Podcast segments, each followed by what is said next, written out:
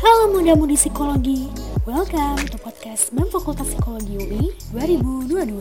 3, 2, 1, action!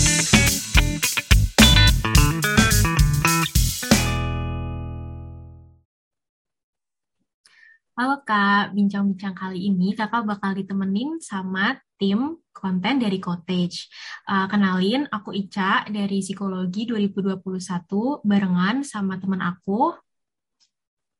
Aku Isabel dari Psikologi Angkatan 2021 juga. Salam kenal ya, Kak.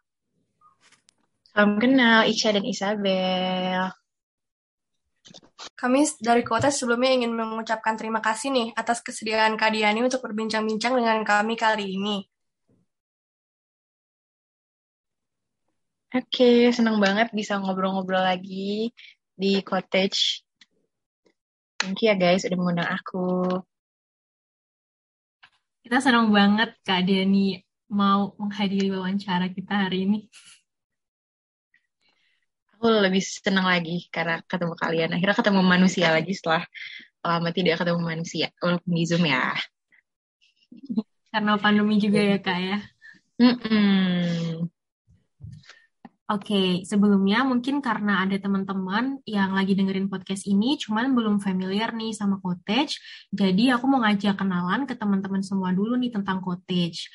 Cottage itu adalah sarana untuk meningkatkan kesadaran dan kepedulian mengenai kegiatan kesukarelawanan atau mungkin anak zaman sekarang kenalnya kegiatan volunteer di bawah Departemen Pengabdian Masyarakat BEM Fakultas Psikologi Universitas Indonesia. Kira-kira dari Kak Diani boleh kenalan secara umum dulu nggak nih ke teman-teman semua? Oke, boleh. Apakah ada template-nya nggak nih buat kenalan? Nggak ada ya. Jadi kita improv aja ya. Oke, halo tadi Ica, Isabel, dan semua pendengar podcast di mana pun kalian berada. Cie. Uh, salam kenal semuanya, nama aku Diani Syahranti, biasa dipanggil Diani. Aku sekarang uh, udah mahasiswa tua ya, udah dari psikologi angkatan 2019. Dan uh, di sini aku mau ngobrol-ngobrol aja bersama Isha dan Isabel tentang tadi kegiatan volunteering bersama cottage gitu. Udah cukup ya kenalannya ya? Udah dong Kak, salam kenal ya Kak Diani. Kalau boleh diceritain nih, kira-kira Kak Diani ini sebagai mahasiswa 2019 nih lagi sibuk apa sih akhir-akhir ini? Oke, yang pertama dan utama uh, break dari UAS sih, jujur ya. Menikmati indahnya kehilangan beban akademis, tapi tetap harus nggak boleh terlalu lengah karena sambil siap-siap magang juga, insya Allah nanti bulan Juli.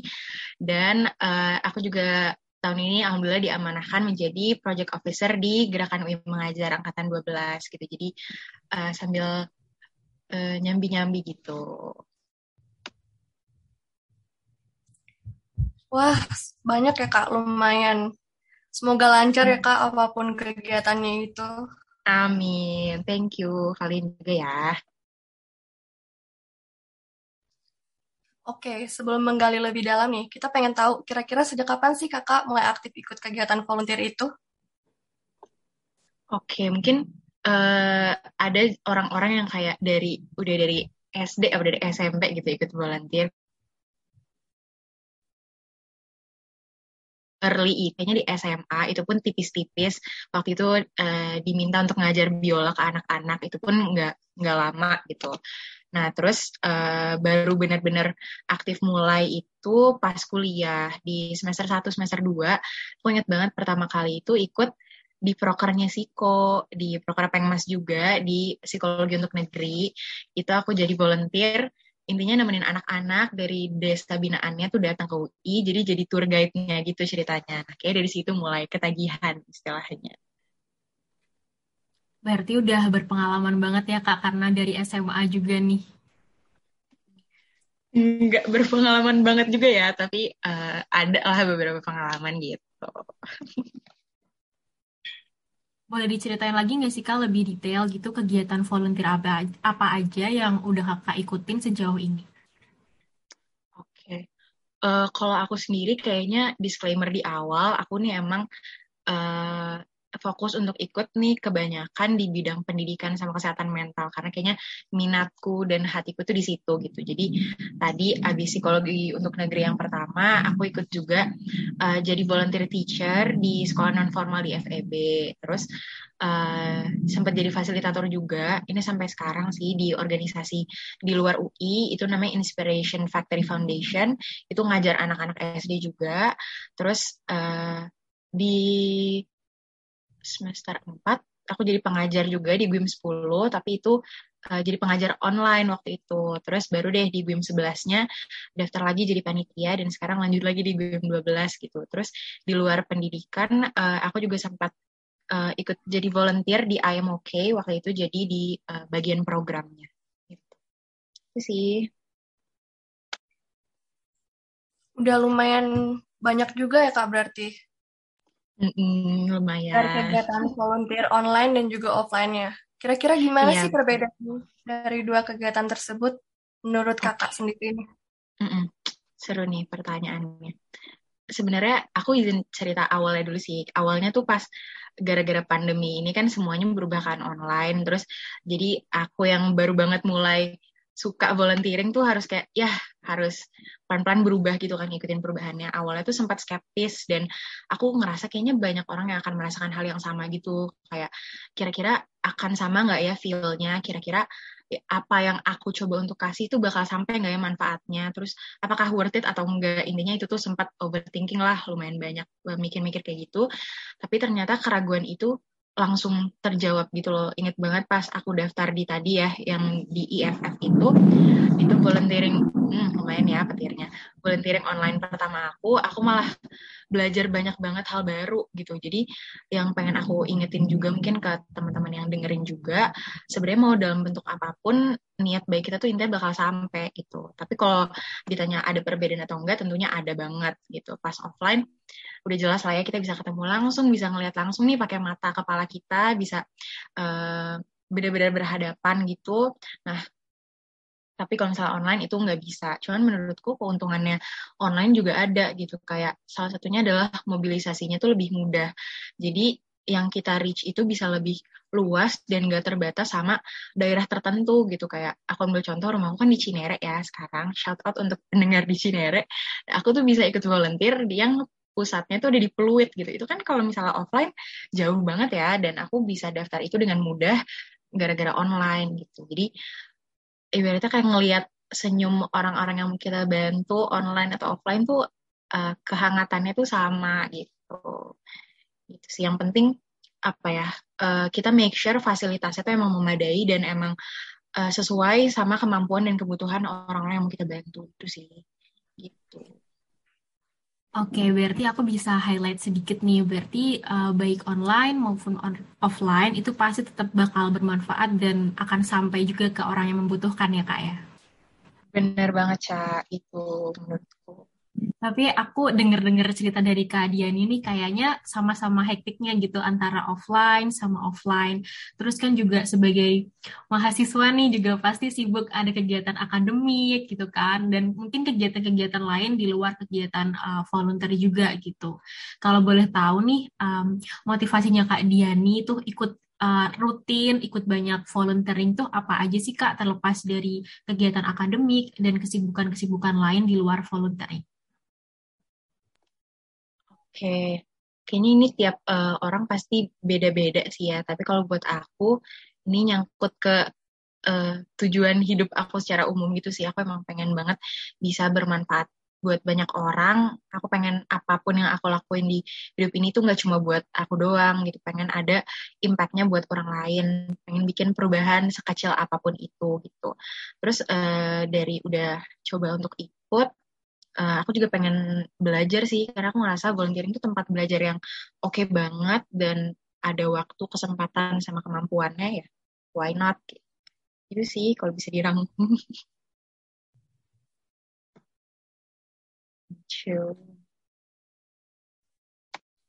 Wah keren banget sih kak. Uh, aku pengen nanya juga sih kak uh, dari berbagai kesibukan yang kakak punya nih, gimana sih cara kakak membagi waktu volunteer dan kegiatan lainnya itu? Oke oke. Kalau ditanya tentang membagi waktu, sejujurnya ini masih PR sampai detik ini. Aku udah mahasiswa tingkat segini itu masih jadi PR banget. Tapi kalau buat gimana tips yang selama ini aku terapin, aku percaya banget sih sama pentingnya ngelakuin sesuatu yang emang kita suka gitu. Jadi dari awalnya dari situ tuh nggak akan kerasa berat gitu. Kita akan maksimal ngerjainnya. Dan yang kedua penting banget juga untuk set uh, prioritas sih. Jadi jangan sampai tanggung jawab kita tuh jadi tersisihkan gara-gara kita mau ikut volunteering di sini, sini, sini, sini, sini semuanya. Gimana pun juga kita punya tanggung jawab gitu sebagai individu kan. Dan uh, salah satu yang aku coba terapin juga tuh mindset jangan jadiin volunteering sebagai tugas atau beban kalau itu masuk akal. Jadi uh, ibaratnya tuh kayak jadiin break aja, jadiin break dari keseharian kamu yang monoton kayak pagi bangun, kelas, makan, tidur lagi, kelas lagi. Itu dengan volunteering tuh itu bisa jadi sesuatu yang refreshing yang beda sama keseharian kita. Gitu. Dan yang terakhir terpenting menurutku kita harus tahu limit kita juga sih.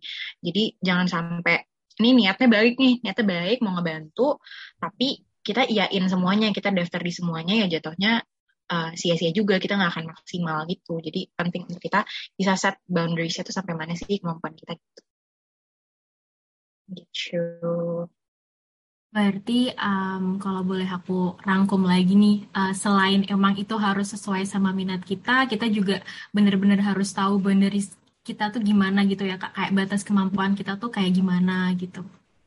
Yes, betul banget. Kalau menurut Kak Diani sendiri ini kan um, volunteer kan juga lagi ngetren gitu ya sekarang, apalagi mungkin yang lewat media sosial gitu loh kak, yang tinggal post atau apa gitu, dan kadang-kadang uh, teman-teman itu mungkin kayak mikirnya, oh paling buat CV aja gitu, bukan pure pengen ngebantu atau pengen uh, menyampaikan itu ke masyarakat gitu. Kalau menurut pendapat Kak Diani sendiri kayak gimana kak?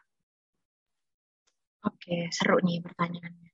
Uh, menurutku benar sih dengan kita ikut volunteering gitu in a way kita akan melatih kemampuan kita juga dan itu akan uh, bagus juga untuk uh, ibaratnya yang tadi kamu bilang ya buat di CV itu itu juga bisa bagus. Cuman menurutku uh, si motivasi ini emang kita harus hati-hati banget sih jangan sampai uh, motivasi itu jadi tujuan akhir kita gitu. Ibaratnya kita uh, dikasih kesempatan nih buat ngelakuin sesuatu yang besar tapi uh, kalau misalnya uh, tujuannya kita batasin cuma untuk CV aja, khawatirnya itu bisa uh, dampak ke gimana performa kita segala macam. Tapi emang balik lagi uh, untuk tiap orang beda-beda sih, jadi disesuaikan aja.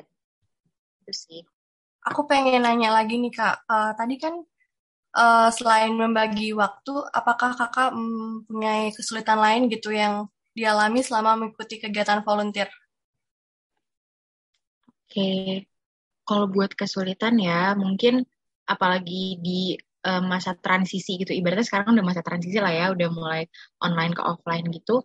Kayaknya adaptasi itu lumayan bisa tricky sih karena ibaratnya ini adalah lingkungan yang baru kita ketemu orang-orang yang baru kita uh, dan untuk kita bisa ngebantuin orang itu kan kita harus cari cara biar kita benar-benar memahami kebutuhan mereka kan. Dan itu di proses transisi ini menurutku cukup susah. Dan satu yang menurutku kadang orang lupa dan aku rasain banget juga adalah di ekspektasi sih.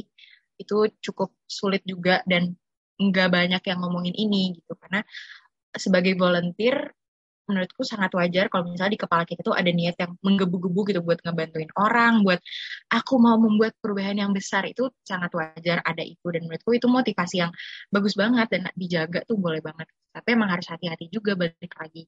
Jangan sampai kalau ekspektasi kita ini nggak tercapai, terus ya udah kita jadi ngedown kayak ah malas ah volunteer lagi, gue nggak ngerasa ada kepuasan. Nah itu tuh bisa agak eh, bahaya tuh. Jadi emang kayaknya bisa dijawab dengan mindset yang aku coba terapin ya. Mungkin teman-teman yang lain ada uh, mindset yang lain juga tapi yang aku coba terapin dan sejauh ini di aku berhasil itu ya udah kita kasih aja apa yang kita bisa timbal baliknya atau outputnya nanti gimana ya udah itu urusan belakangan aja. Yang penting kita udah masih yang terbaik gitu.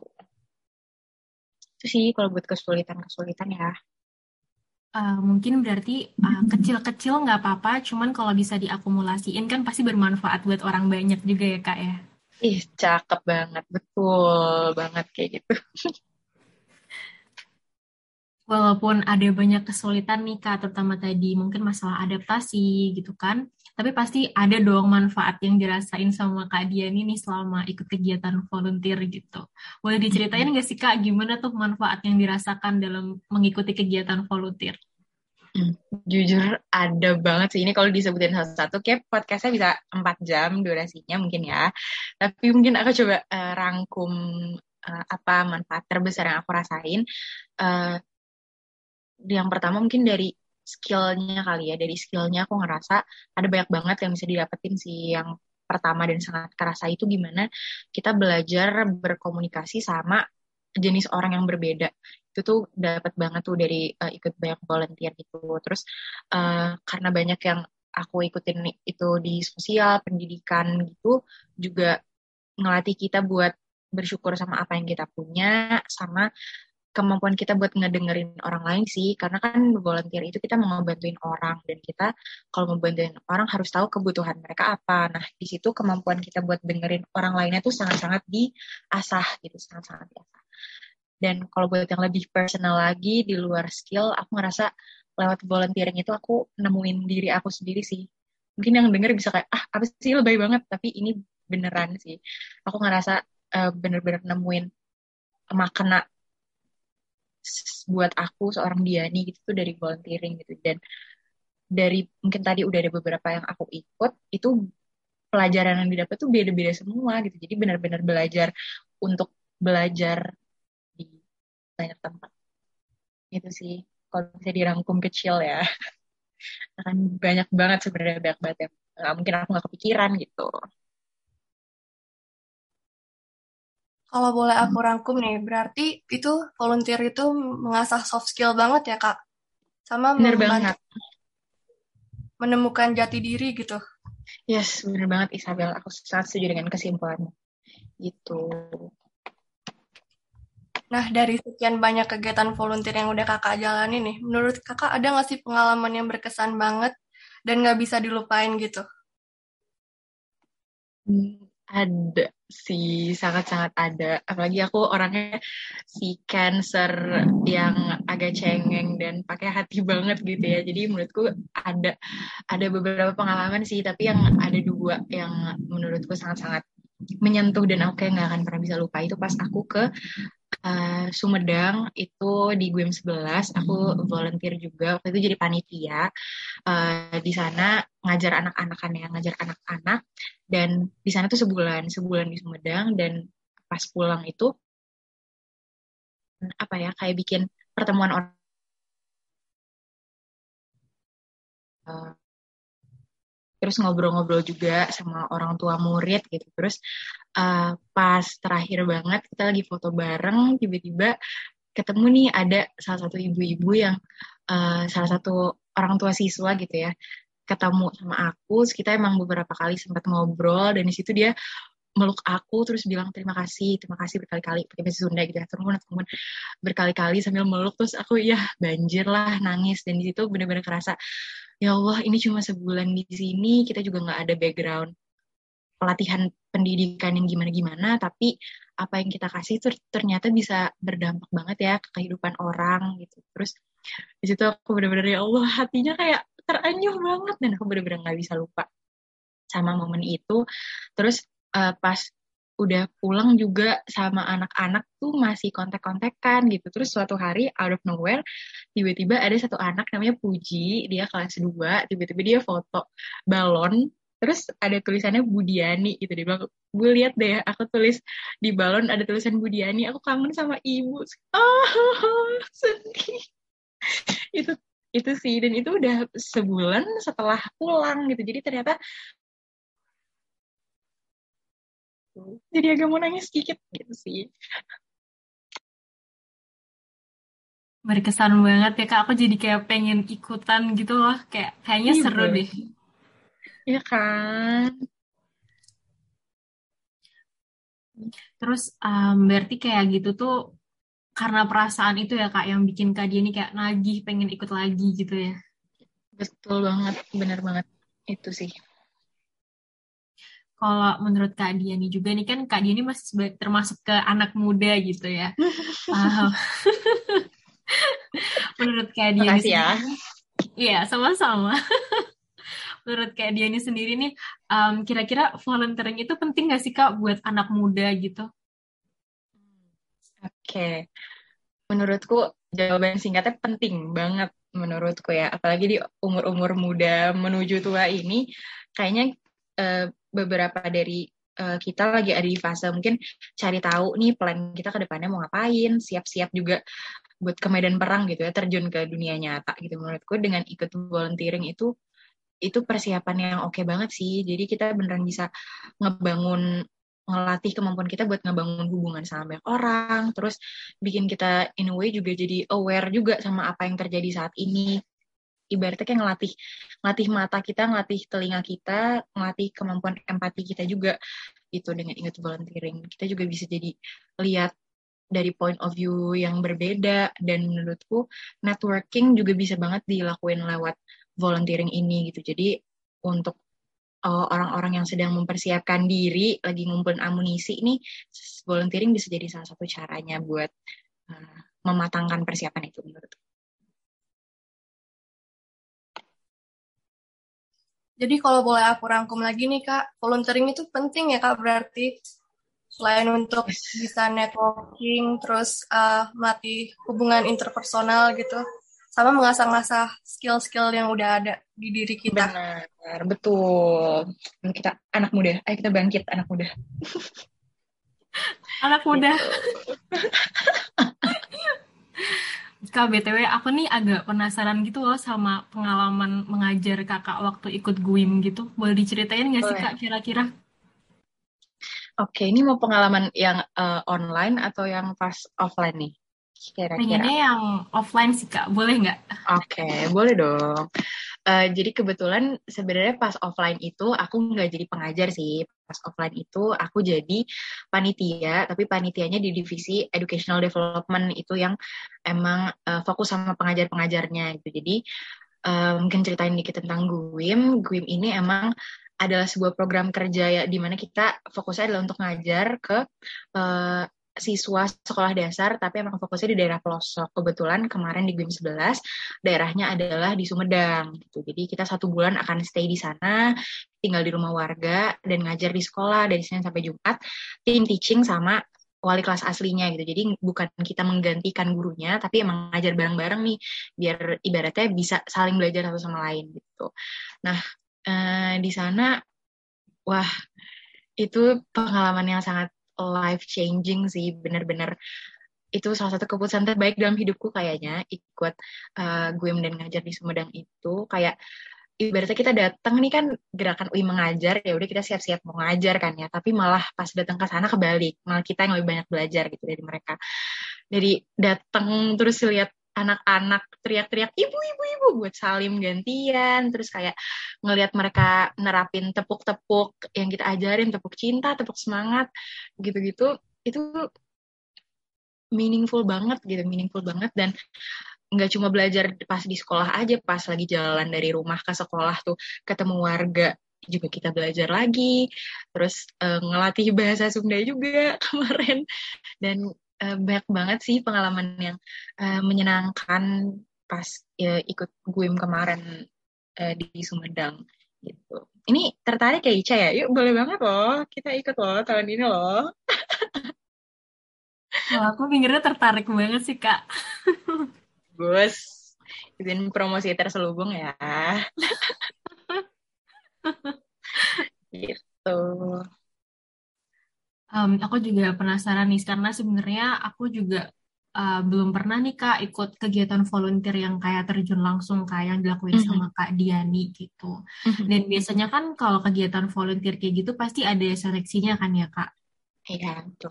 Nah, uh, aku mau nanya nih gimana sih tips dari Kak Diani buat teman-teman dan buat aku juga, uh, terutama buat anak muda nih yang belum pernah ikut volunteer secara langsung, gimana tipsnya supaya mungkin bisa diterima gitu?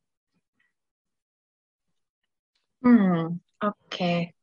Hmm, kalau buat tips biar keterima, kayaknya sebelum jauh-jauh ke sana, menurutku satu yang paling penting itu yang tadi sih kita make sure kita tahu diri kita sendiri dulu, kita tahu yang mau kita cari itu apa dan motivasi kita uh, tuh apa itu kita gali itu karena uh, itu jadi ibaratnya jadi bensin kita selama kita nanti uh, volunteering gitu. Jadi kalau kita tahu kita maunya apa, ya udah itu akan jadi pengingat kita sambil kita jalan tuh kayak oh iya gue ikut ini tuh untuk ini ini ini. Nah itu akan kerasa banget tuh. Jadi pertama make sure kamu tahu uh, diri kamu sendiri itu apa. Terus yang kedua dari situ juga penting banget buat kita uh, sincere aja sih. Aduh mungkin klise banget ya kedengarannya kayak jadilah dirimu sendiri. Tapi itu bener banget. Apalagi kalau misalnya ada mungkin interviewnya atau bikin esai itu ya udah kalian sampaikan apa yang pengen kalian sampaikan dengan sincere aja karena pasti itu sangat-sangat kelihatan gitu menurutku. Dan uh, mungkin cari informasi yang banyak itu juga kunci banget sih. Cari informasi yang banyak kayak follow aja semua Instagramnya nyalain lah notifnya. Kamu uh, yang orang sering lupa juga adalah tanya-tanya sama orang itu penting banget. Jadi kayak misalnya ada cutting kita yang dulu pernah ikut yang pengen kita ikut nih nah itu gali aja karena aku yakin pasti banget mau ngebantu pasti mau bantu gitu. Kalian uh, apa namanya teror aja kayak kak ini ini gimana kak? Tips ini ini, ini. pasti mau mau dibantu gitu. Nggak mungkin ada orang kayak nggak nggak mau. Cari tahu sendiri gitu. Enggak sih. Kayak kemungkinan akan sangat kecil gitu. Jadi cari informasi yang banyak dengan nanya orang dengan kamu cari-cari sendiri itu nggak itu oke okay banget. Dan dari semua yang daftar itu kan juga pasti uh, tidak menutup kemungkinan ada yang kita nggak nggak dapat gitu. Misalnya satu tempat yang kita pengen itu juga jangan sampai uh, dijadiin kayak apa ya kayak titik akhir gitu. Oke okay, gue udah nggak terima di sini nyerah aja deh. Nah itu juga jangan kayak gitu gitu. Jadi sangat wajar kalau misalnya nggak diterima di yang kita pengen itu kita ngerasa sedih dan kecewa nggak apa-apa itu diproses semuanya karena emang valid kan merasa sedih dan kecewa gitu ya udah dijadiin evaluasi aja. Jadi ya udah uh, set waktu untuk mungkin ngeproses semuanya tapi terus bangkit lagi sebagai generasi muda. Kita bangkit lagi kita cari lagi kira-kira apa nih yang lain yang mirip-mirip atau mungkin uh, kayaknya yang lebih siapa tahu ada yang kesempatan lain yang terbuka gitu yang ternyata wah emang kalian dibutuhinnya di sini gitu itu kayak tipsnya lebih ke mindset ya bukan tips tips lain. Mungkin nanti tips lain bisa ditanya ke orang lain ya. Gitu. Jadi itu mungkin intinya adalah kita juga harus tahu dulu ya kak tujuan kita tuh mau ikut volunteer tuh untuk apa gitu ya. Karena kalau memang hmm. sebenarnya kita aja nggak tahu tujuan ikutnya apa ntar di tengah jalan kita capek kayak kita nggak ada base untuk lanjut gitu Bener banget. Itu sangat kerasa sih. Betul-betul.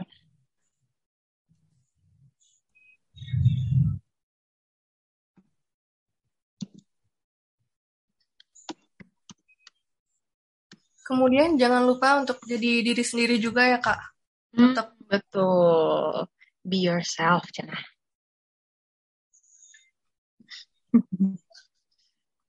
Sama kalaupun gagal, tetap harus semangat ya, karena masih ada kesempatan lain yang terbuka.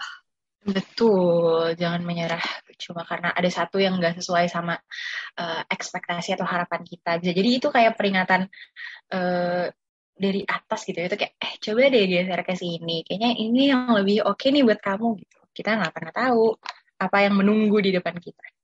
Ini gitu. Tapi bener sih kak. Terus terakhir mungkin hmm. jangan takut untuk tanya-tanya gitu ataupun malu. Betul, bener banget, bener banget. Karena banyak orang yang mau bantu, kok pasti gitu. Gak ada salahnya bertanya. Oke, nggak kerasa nih Kak, bincang-bincang kita kali ini udah cukup lama. Jadi untuk menutup bincang-bincang kali ini, Kak Diani ada pesan lagi nggak nih buat para mahasiswa yang ingin mengikuti kegiatan volunteer tapi masih takut untuk mencoba?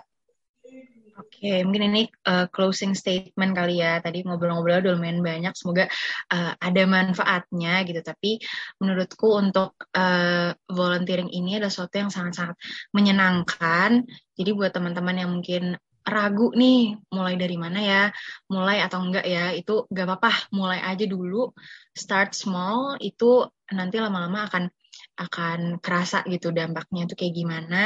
Dan reminder juga niat baik apa pun tuh pasti akan kembali ke kalian lagi. Dan hal kecil yang kalian lakukan itu bisa berdampak besar untuk hidup seseorang itu ini juga sekalian thank you juga untuk cottage karena apa yang kalian lakuin sekarang tuh keren banget guys. Kayak bener-bener keren banget Uh, thank you udah nyediain platform untuk ini juga dan semoga niat baik kalian juga berbalik lagi ke kalian dan menginspirasi banyak orang untuk ikut volunteering gitu. Terima kasih. Dari Acu. Wah, amin banget. Semoga nih teman-teman semua dengan adanya cottage yang menyediakan sarana buat teman-teman, semoga teman-teman jadi berani dan punya banyak informasi dan insight mengenai kegiatan volunteer. Kira-kira nih dari Kak Diani sendiri ada pesan lagi nggak Kak yang mau disampaikan nih ke teman-teman yang lagi dengerin podcast saat ini? Hmm, udah sih kayaknya itu aja tadi ya. Pokoknya semangat terus aja, kenali diri kalian sendiri, uh, cari tahu apa yang kalian cari, dan tadi jangan ragu buat tanya-tanya sama orang. Tanya sama aku juga boleh. Hmm, di Instagram, di Line, di mana pun boleh ya. Silahkan ditanya. At Diani Syahranti. di follow juga boleh. Uh, insya Allah kalau nanti misalnya ada yang aku bisa bantu bisa banget. Nanti aku akan coba berikan apa yang uh, diinginkan gitu. Oke, semangat untuk semua pendengar di mana pun kalian berada.